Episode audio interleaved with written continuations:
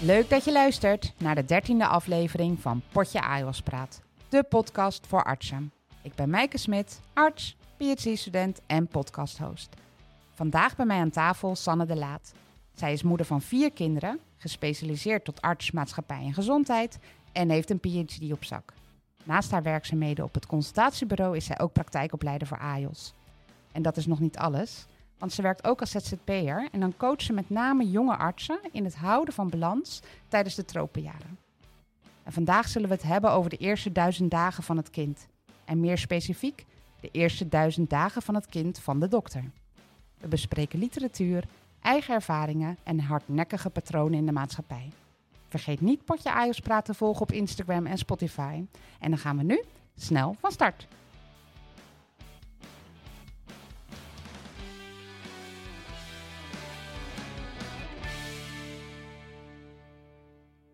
Fijn dat je er bent, Sanne. Welkom. Dankjewel. Was de introductie volledig? Ja. Ja, goed zo. Want je hebt een heel uitgebreid cv met heel veel verschillende taken die je allemaal uh, uitvoert. Dus uh, nou, ik ben blij dat het uh, nou, redelijk volledig was in ieder geval. Hey, en klopt het dat jij de eerste duizend dagen expert bent? Zeg ik dat zo goed? Nou, de eerste duizend dagen expert, dat klinkt wel heel spannend, vind ik. Maar een de eerste duizend dagen ja. expert, ja. Ik ben jeugdarts en heb op het consultatiebureau dus veel kinderen gezien, van, uh, vanaf nul jaar. En de uh, afgelopen jaren ben ik me ook steeds meer gaan verdiepen in uh, wat nou een gezonde zwangerschap is. Ja, want wat valt er precies onder die eerste duizend dagen? Gaat dat tellen vanaf de geboorte of vanaf conceptie? Hoe zit dat? Het begint eigenlijk al voor de conceptie. Dus voordat het zaadje de eicel bevrucht. Want ook die fase is al belangrijk voor de, voor de rest van de gezondheid van het kindje wat uh, daaruit geboren gaat worden. Dus het begint eigenlijk net voor de conceptie en loopt dan door totdat het kind zo'n twee jaar oud is. Ja, en dan is het eigenlijk, hè, want ik ken het wel vanuit uh, um, uh, dat het ook veel gepromoot wordt, die eerste duizend dagen in het buitenland. In Afrika is dat ook een hele campagne, omdat die juist zo belangrijk zijn voor je latere uitkomsten. Um, en is dat ook iets wat, wat hier veel gezien wordt, zeg maar, dat je, dat je daardoor meer daar de focus op wil leggen, door die eerste duizend dagen goed te hebben, zodat het kind later betere kansen heeft in het leven? Is dat hetzelfde? Ja, die eerste duizend dagen zijn de basis voor de gezondheid en dat begint echt al in de zwangerschap. Ja, ja. En wij uh, waren dit gesprek samen aan het voorbereiden. Hè? En jij zei eigenlijk al, uh, nou ja, het kind van de dokter in de eerste duizend dagen, maar dat kind heeft eigenlijk al zulke goede kansen al bij voorbaat. Want kan je dat eens wat meer toelichten? Ja, als we het hebben over een kansrijke start in Nederland. Dat is een landelijk programma wat zich vooral richt op kinderen die opgroeien in kwetsbare omstandigheden. Ja, als je het kijkt naar de kinderen van de dokter, die groeien daar meestal niet op in die slechtere omstandigheden. Dus die hebben bij start vaak ook al ja, goede uitkomstwaarden. Ze groeien vaak op in een, in een fijnere wijk dan gemiddeld, uh, hebben hoogopgeleide ouders, zijn vaak geen financiële zorgen. Dat is denk ik al een hele mooie start voor een kind. Ja, maakt de uitkomst al beter. Ja, zeker. Ja. Nou, dus dat is denk ik al een goede voor alle vrouwelijke AIOS die nu luisteren. We geven de kinderen hoogstwaarschijnlijk al een hele goede start mee. Want um, ik denk ook wel een belangrijke disclaimer om mee te geven voor vandaag. We gaan het natuurlijk hebben over onderwerpen die vaak heel gevoelig zijn. Hè? Um, want het gaat over je kind. En we hebben het over zwangerschap en misschien ook wel wat wetenschap wat confronterend kan zijn. Maar ik denk wel een belangrijke disclaimer. Um, luister naar deze podcast en laat je inspireren. Um, maar trek het niet op die manier naar je toe dat je denkt, oh, dit moet anders, dit doe ik niet goed. Hè? Um, neem mee wat je mee wil nemen, uh, maar leg niet de lat nog hoger. Dat is eigenlijk helemaal niet de bedoeling van vandaag. Ja, want dat zien we bij veel artsen en ik ook bij mezelf herken ik dat. Hè? Van we willen het graag zo goed doen in ons werk, maar zeker ook in ons eigen gezin. En daarin zit perfectionisme vaak ook wel in de weg. Hè? Van ja, uh, je doet het vaak al hartstikke goed, uh, maar dat realiseren we ons niet altijd. Nee, nee en dit, dit perfectionisme en zwangerschap herken ik uh, best wel. Want ik was zwanger van mijn eerste, ik heb drie kinderen, en ik was zwanger van mijn eerste en toen was ik 27. En toen werkte ik nog als arts niet in opleiding, ANJOS. Nou, dat zijn natuurlijk gewoon drukke banen. En uh, je staat de hele dag op je benen en je uh, rent van hot naar her. En uh, er zijn ook veel spoedscenario's. Ik heb ook een hele heftige reanimatie gehad tijdens mijn zwangerschap van een kind. Um, en ik dacht echt, oké, ik heb nu zo'n heftige baan, toch? Vond ik dat toen. En ik ben zwanger. als ik dan thuis kom, dan ga ik echt rust houden. Dus ik had dat heel bewust bedacht van oké, dat werkt, dat doe ik, dat vind ik fijn. Maar daarnaast ga ik het zo, zo, zo min mogelijk intensief maken voor mezelf. Dus ik ga niet meer sporten en ik ga echt zorgen dat ik dan goed kan verbinden en in alle rust zwanger kan zijn. En nu ik daar naar terugkijk, denk ik wel eens, jeetje, meid, weet je, het is ook wel weer een soort heftig. Uh, dat gaf mij toen een heel goed uh, gevoel. Um, maar hoe, hoe sta jij daar tegenaan? Die drukke baan in combinatie met die zwangerschap. Als je, als je nu dit verhaal hoort, dat je denkt, dat had niet zo gehoeven? Of...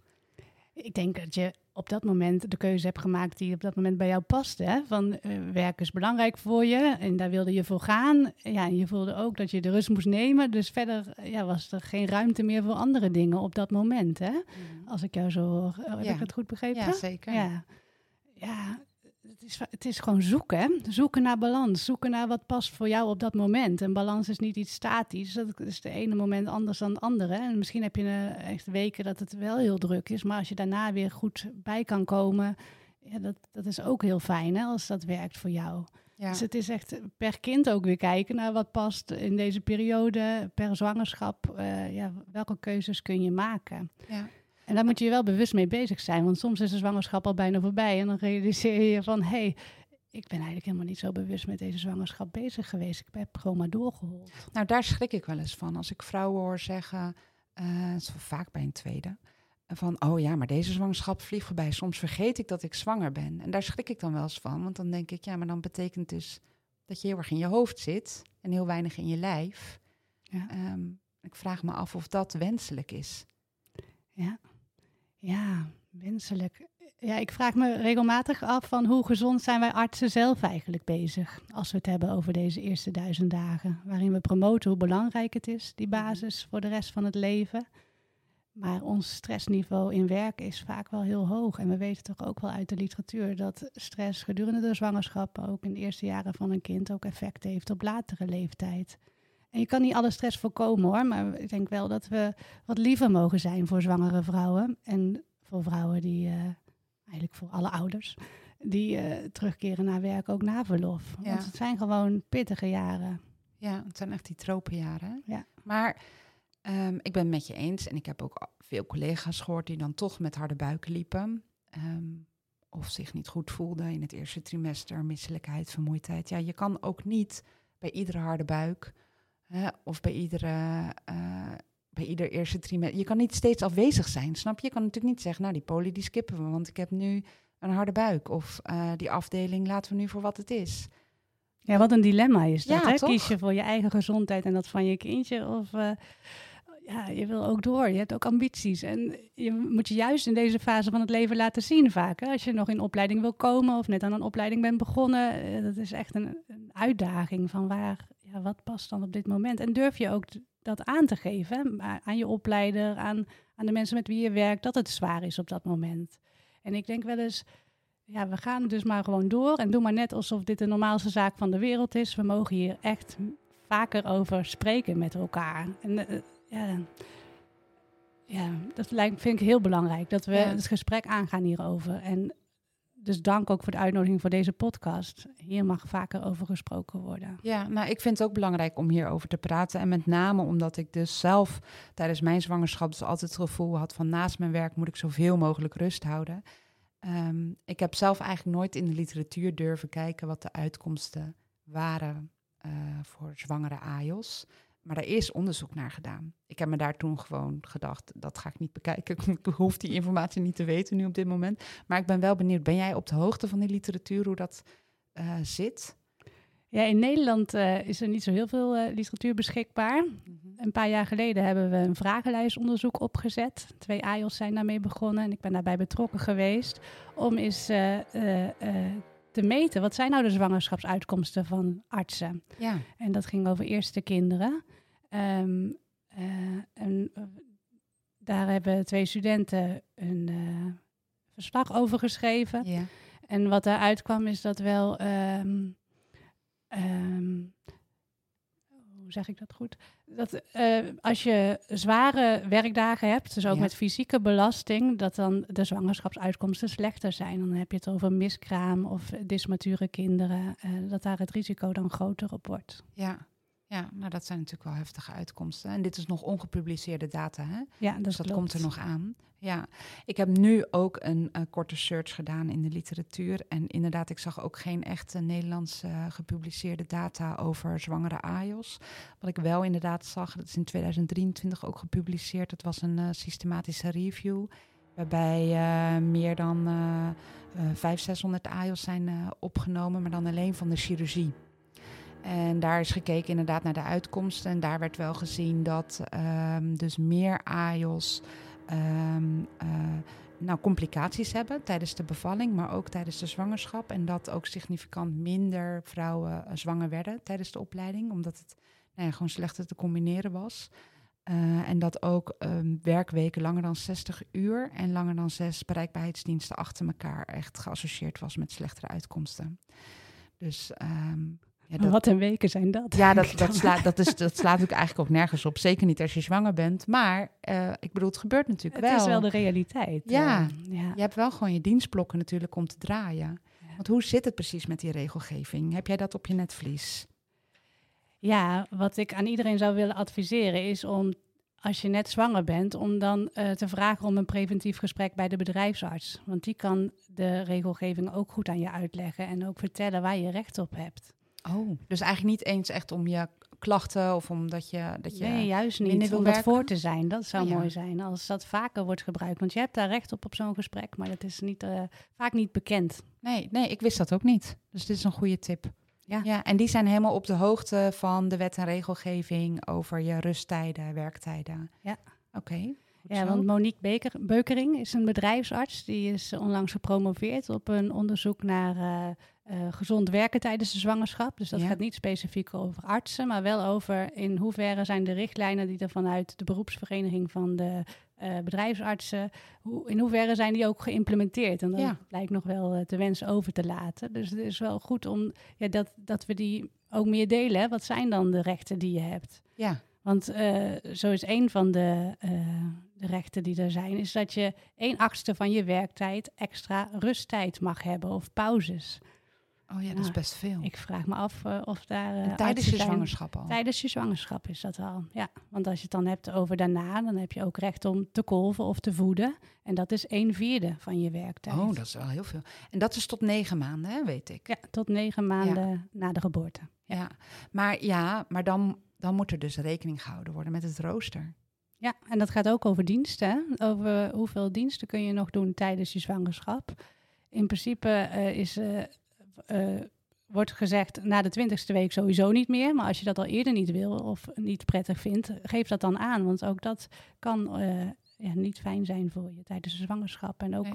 Slechtere uitkomsten geven. Ja, ja ehm, ik denk ook als je, stel je wil niet naar de bedrijfsarts, alle wet en regelgeving kan je ook teruglezen op de website van de jonge specialist. Die hebben een heel mooi document gemaakt. Ehm, en die zeggen inderdaad dat je ehm, tijdens je gehele zwangerschap en tot zes maanden na je bevalling niet verplicht kan worden om nachtdienst te draaien. Nou moet ik wel zeggen dat in de praktijk, mijn ervaring dan, is dat je je eerste trimester eh, nog wel gewoon in de diensten meedraait en dat je daarna eruit gehaald wordt. Maar juist die eerste weken zijn vaak heel pittig. En zijn ook die diensten vaak zwaar. In ieder geval, dat is mijn ervaring dan. Maar daarin kan je, ja, als, als, als dat dus niet lukt, mag je dat dus gewoon aangeven. Dan heb je daar dus recht op. Ja, en realiseer je ook dat juist in die eerste weken die hele baby wordt aangelegd. Hè? Al die organen. Dus dat is een belangrijke bepalende periode. Ja, om echt ook aan te geven als het niet gaat. En als je dus uit de dienst wil worden. Ja. Ja, goed.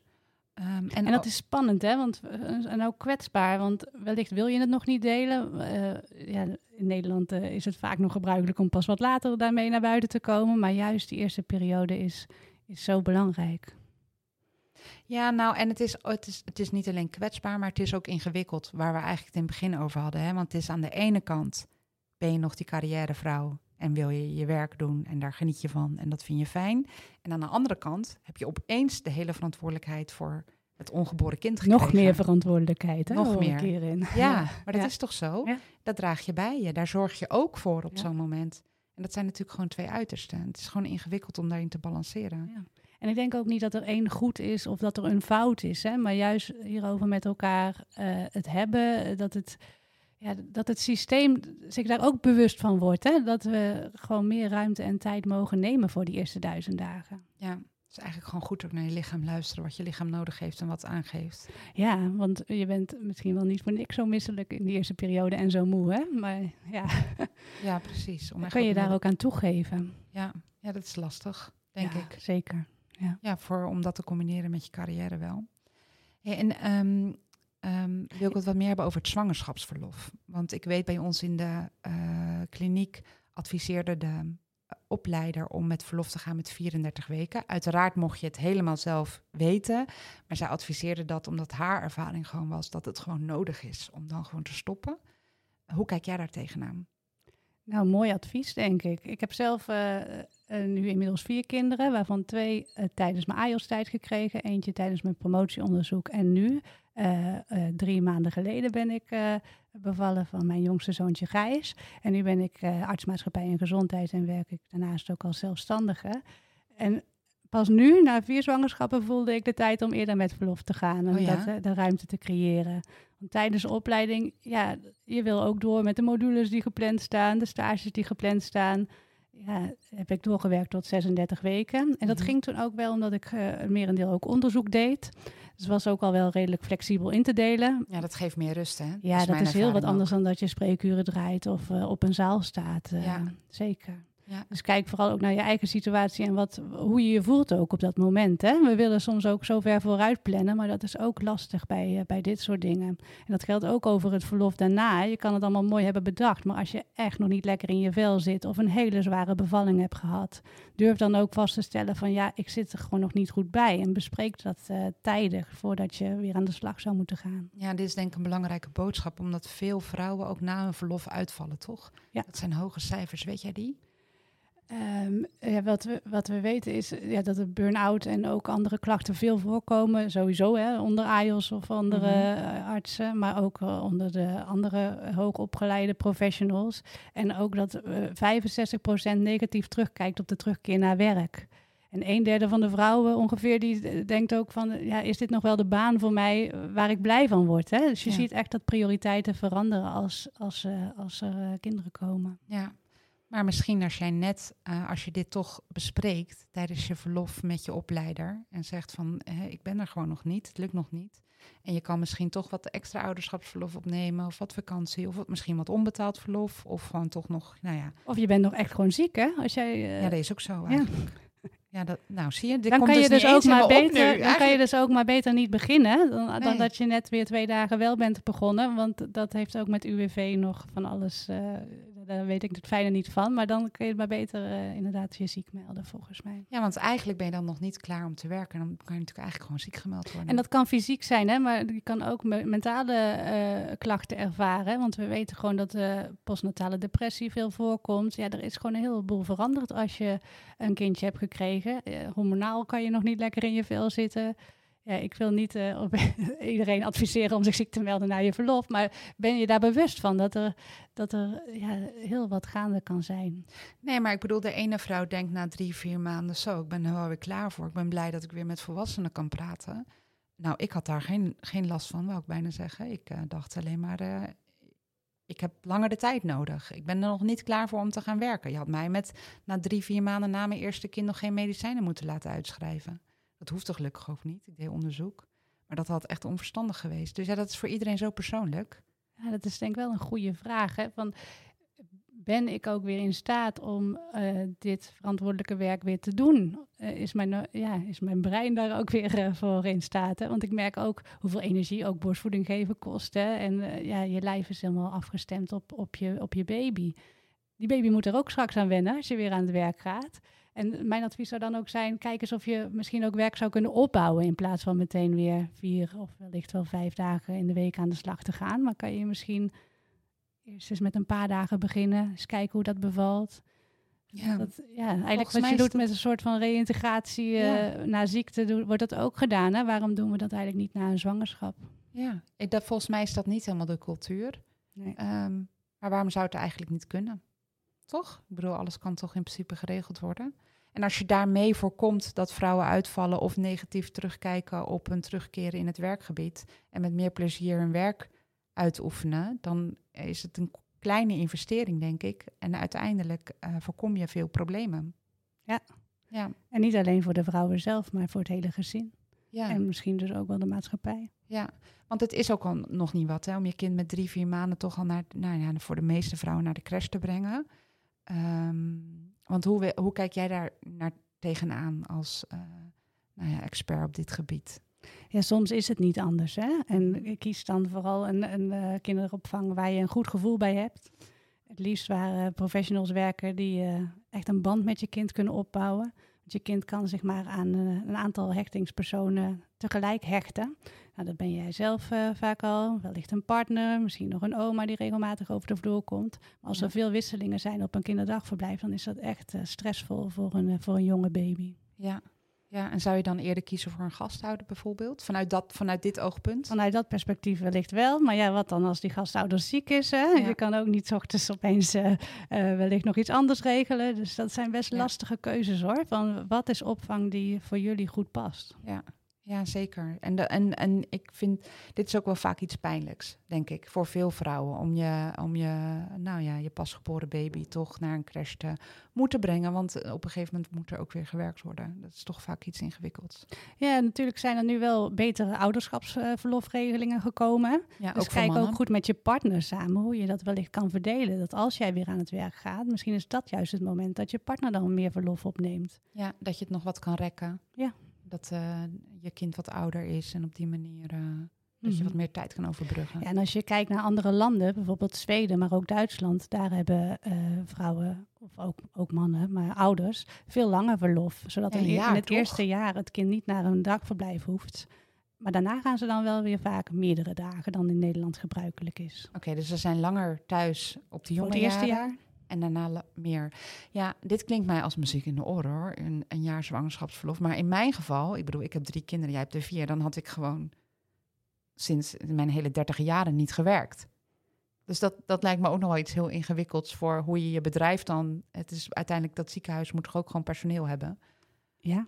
Dat lijkt me toch ook wel ingewikkeld hoe je dit moet invoeren. Ja, en dat vraagt ook wel iets aan wat meer gelijkwaardig ouderschap. Hè? Want het hoeft niet altijd alleen de vrouw te zijn die er voor het kind is. Hè? Dat kan je wellicht ook meer samen doen. Ja, Daar ben ik ook wel zeker wel voorstander van. Maar dat vraagt wel ook al een gesprek tijdens de zwangerschap. Hè? Over hoe gaan we dat straks doen, die taken verdelen. En hoe willen we dat gaan indelen. Met daarbij de kanttekening, eh, hou het ook nog een beetje open. Want wellicht voel je je als het kindje er eenmaal is ook wel weer anders. Hè? Misschien heb je wel heel veel zin om wel weer aan de slag te gaan. Ja, wil je helemaal ook. niet eh, al die maanden thuis zijn met je kind. Want ook dat is pittig hoor. Vaak zeggen ze nou geniet van je vrije dag op woensdag eh, tegen mij. Maar ik vind zo'n woensdag thuis met de kinderen vaak zwaarder dan een, eh, een werkdag. Ja, nou ja, zeker woensdagmiddag. En als je er vier hebt, ik bedoel, ze moeten allemaal of sporten of spelen... of ze komen allemaal vroeg thuis uit school.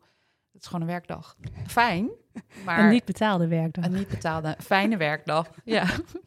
En eh, je zei net al een beetje taakverdeling, man-vrouw. Eh, het zit natuurlijk ook een beetje in. De, de vrouw krijgt toch meer verlof in Nederland. Dat is ergens ook logisch natuurlijk. Mannen hebben minder verlof. Ehm, maar daarmee krijg je eigenlijk al in het begin een soort scheefgroei in die taakverdeling. In ieder geval, dat is mijn ervaring wel. Ja, op een gegeven moment als vrouw pak je dan toch meer zorgtaken op als je ook thuis bent. En dan ga je weer aan het werk.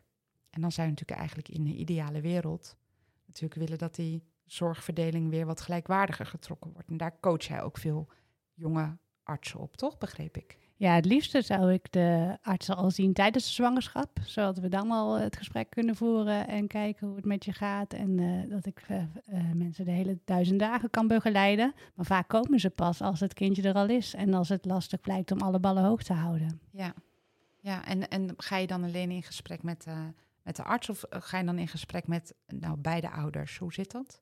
Ja, meestal is het één op één coaching. Ik geef ook workshops waar eh, eh, beide partners aan mee kunnen doen. En als het, als het past, ja, dan kunnen we natuurlijk ook met beide in gesprek. Ja. Ja, ja en wat zijn, nou, wat zijn nou tips die jij ehm, meegeeft om, om het gelijkwaardiger te verdelen, om het, de lasten samen meer te dragen? Want het is gewoon nog steeds, ook in onze maatschappij, eh, dat de meeste zorgtaken op de schouders van de vrouw terechtkomen. Ja. ja, het is maatwerk hoor. Eén tip geven vind ik daarin eh, ja, altijd erg lastig. Dat hangt echt ook af van je persoonlijke situatie. Ook wat voor werk doet je partner? Hè? Is dat ook een, eh, een medisch specialist of een arts in opleiding? Dat is heel wat anders dan dat het iemand is met een van 9 tot 5 baan die wel makkelijk thuis kan blijven, bijvoorbeeld als een kind ziek is. Hè? Ja. Dus ja, dat is echt maatwerk, denk ik. Ik geloof niet zo in die kant-en-klare tips voor uh, uh, met deze tips slaap je kind opeens door. Nee, die bestaan ook niet. Ja, want daar hebben we het ook nog niet eens over gehad. Hè? Slaap is natuurlijk ook wel heel belangrijk. Hè? En dat, ja, als je echt meerdere slechtere nachten op een rij hebt, vaak wakker wordt van huilende uh, kinderen, ja, ja dat, dat doet wat met je. En dan zit je gewoon ook op je werk niet lekker in je vel. Nee, en dat is natuurlijk niet alleen in die eerste weken. Nee, dat ligt aan het kind. ja, dat, dat, dat, kan soms best wel sturen. En dat heeft natuurlijk ook gewoon effect op je, op je carrière. Ja. ja. ja en dan hebben we het daarover hè, met elkaar. Dat weet ik eigenlijk niet. Ik denk dat het vaak onbesproken blijft. Van, uh, hey, hoe zit je er eigenlijk bij vandaag? Uh, hoe heb je geslapen? Ja, zou dat dat misschien al zou kunnen helpen. Ja. Ja, goed. Ik denk inderdaad geen kant-en-klare tips, ben ik met je eens. Maar als ik dan nu zo over de afgelopen 30 minuutjes van onze podcast uh, toch een aantal tips mag opsommen. Ga met de bedrijfsarts in gesprek. Nog tijd, nog dat je zwanger bent, om gewoon vooraf dat gesprek te hebben. Weet goed wat je rechten zijn in werktijden, rusttijden en neem die ook gewoon in acht. Want diensten lange dagen achter elkaar werken is gewoon geassocieerd met slechtere zwangerschapsuitkomsten. Ehm, ja, ga met je partner op tijd in gesprek hoe je de taken wil verdelen. En wat hadden we nog als laatste? Oh ja, over als je tijdens je verlof merkt, ik ben nog niet klaar voor om terug te gaan naar werk. Ga tijdig in gesprek met je opleider of met je leidinggevende om te kijken wat er geregeld kan worden. En bouw het wellicht op hè, als je weer aan het werk gaat. Nou, zo hebben we toch nog best wel wat tips uh, toch, toch verzameld. Nog tips. Toch nog en nog een allerlaatste tip die ik mee wil geven is, ben lief voor jezelf. Ja. ja. Want we zijn al zo vaak zo streng hè, eh, voor onszelf. Die lat ligt al zo hoog. We willen het zo graag goed doen. En juist in deze periode, ja, durf ook tijd te maken voor jezelf. Ja. Want wat jij zei, je werkte alleen nog maar en daarnaast was het de baby. Maar ja, jij zelf mag ook aandacht krijgen, juist in deze periode. Ja, het is goed om daar eens over na te denken. Zeker als zwangere vrouw. Hoe wil je dat voor jezelf uh, invullen? En waar word je blij van? Ja. Soms zijn moeders dat vergeten. Daar gaan gesprekken ook regelmatig over. Van, uh, ja, wat vond ik eigenlijk leuk? Uh, heb ik daar nog, kan ik daar tijd voor maken? Ja, waar krijg ik energie van? Ja. Ja, mooie boodschap, Sanne. Ja, dus daar hebben we het in de workshops vaak over. Want dat merk ik als we dat met elkaar meer delen.